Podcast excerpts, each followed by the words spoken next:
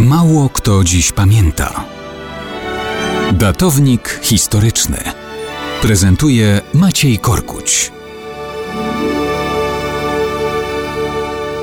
Mało kto dziś pamięta, że 27 marca 972 roku na świat przyszedł syn Hugona Capeta, protoplasty nowej dynastii na tronie Franków. Tych zachodnich Franków. Dopiero później będą jego następcy tytułowani królami Francji. Dziecię przejdzie do historii jako król Robert II Pobożny.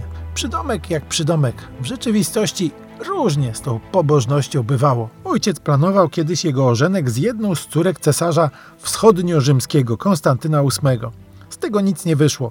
Ostatecznie, no cóż, chwilowa ta ostateczność, Robert jeszcze jako regent związał się węzłem małżeńskim z Rosalą, córką lombardzkiego władcy Italii Berengara. Już w trzecim roku po ślubie ponoć pobożny Robert jednak żonę porzucił. Chociaż jej posagu porzucać nie zamierzał. Już jako pełnoprawny król postanawia pojąć za żonę Bertę, owdowiałą hrabinę Blois. Przy okazji jego kuzynkę. Papież te niezbyt pobożne praktyki pobożnego Roberta oficjalnie potępia, no i Roberta ekskomunikuje.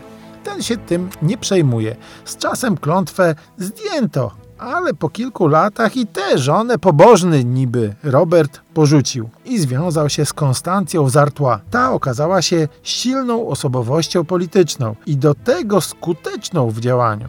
To też Robert dość szybko zatęsknił za wcześniejszą żoną Bertą. Nawet próbował doprowadzić do unieważnienia i tego trzeciego związku, ale już jakoś osiągnąć tego nie zdołał. Papież definitywnie bowiem rozwiał jego nadzieję na akceptację nowych pomysłów matrymonialnych. Przynajmniej na koniec życia musiał się Robert pogodzić z tym, że będą to jedynie pobożne życzenia Roberta II skądinąd pobożnego.